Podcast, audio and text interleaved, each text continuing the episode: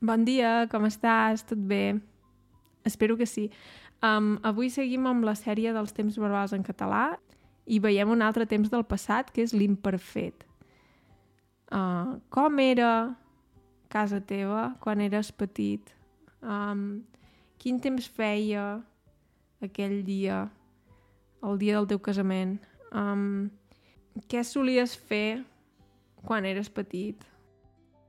Veurem alguns exemples junts i espero que quedi més clar. No et preocupis si no estàs sempre segur o segura de quin, quina opció triar. No passa res si, fas, si comets errors. Però és un tema que em pregunteu sovint i he pensat que potser us pot ser útil. D'acord? Vinga, doncs, si ja estàs a punt, som-hi.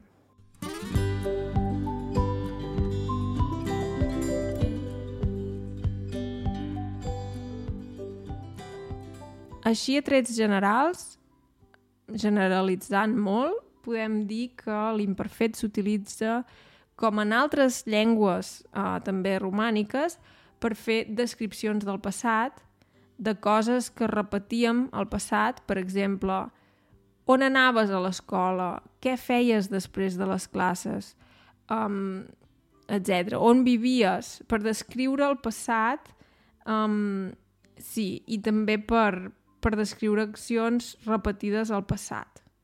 Per exemple, um, quan era petita vivia en una casa amb els meus pares.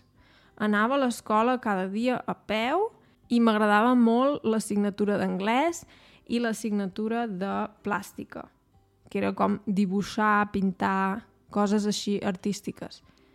Um, no m'agradava gaire la classe de ciència i tampoc m'agradava gaire la tecnologia i res, um, després de l'escola anava a jugar a bàsquet o quedava amb amigues i uh, de vegades també simplement anava a casa, feia els deures. Els deures és um, el que et donen de feina a l'escola. Et diuen, per demà fes aquesta tasca. I això són els deures, fer els deures. Llavors feia els deures, um, jugava amb el meu germà, o uh, simplement parlava amb els meus pares, uh, sopàvem junts. Veieu que són coses que descric, que eren repetides al passat, són com hàbits, accions repetides al passat i també descripcions. L'imperfet també es pot utilitzar en un context junt amb el passat perifràstic, mentre em dutxava, és una cosa que dura, mentre em dutxava, no és una acció puntual, sinó que és una cosa que potser mentre em dutxava va trucar el meu pare. Trucar és una cosa puntual, és una, diguem-ne, acció.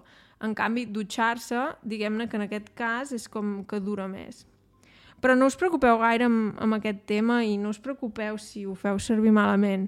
Simplement és per si us interessa saber-ne més i potser utilitzar-ho una mica millor, però fins i tot si utilitzeu els temps verbals malament també la gent us entendrà.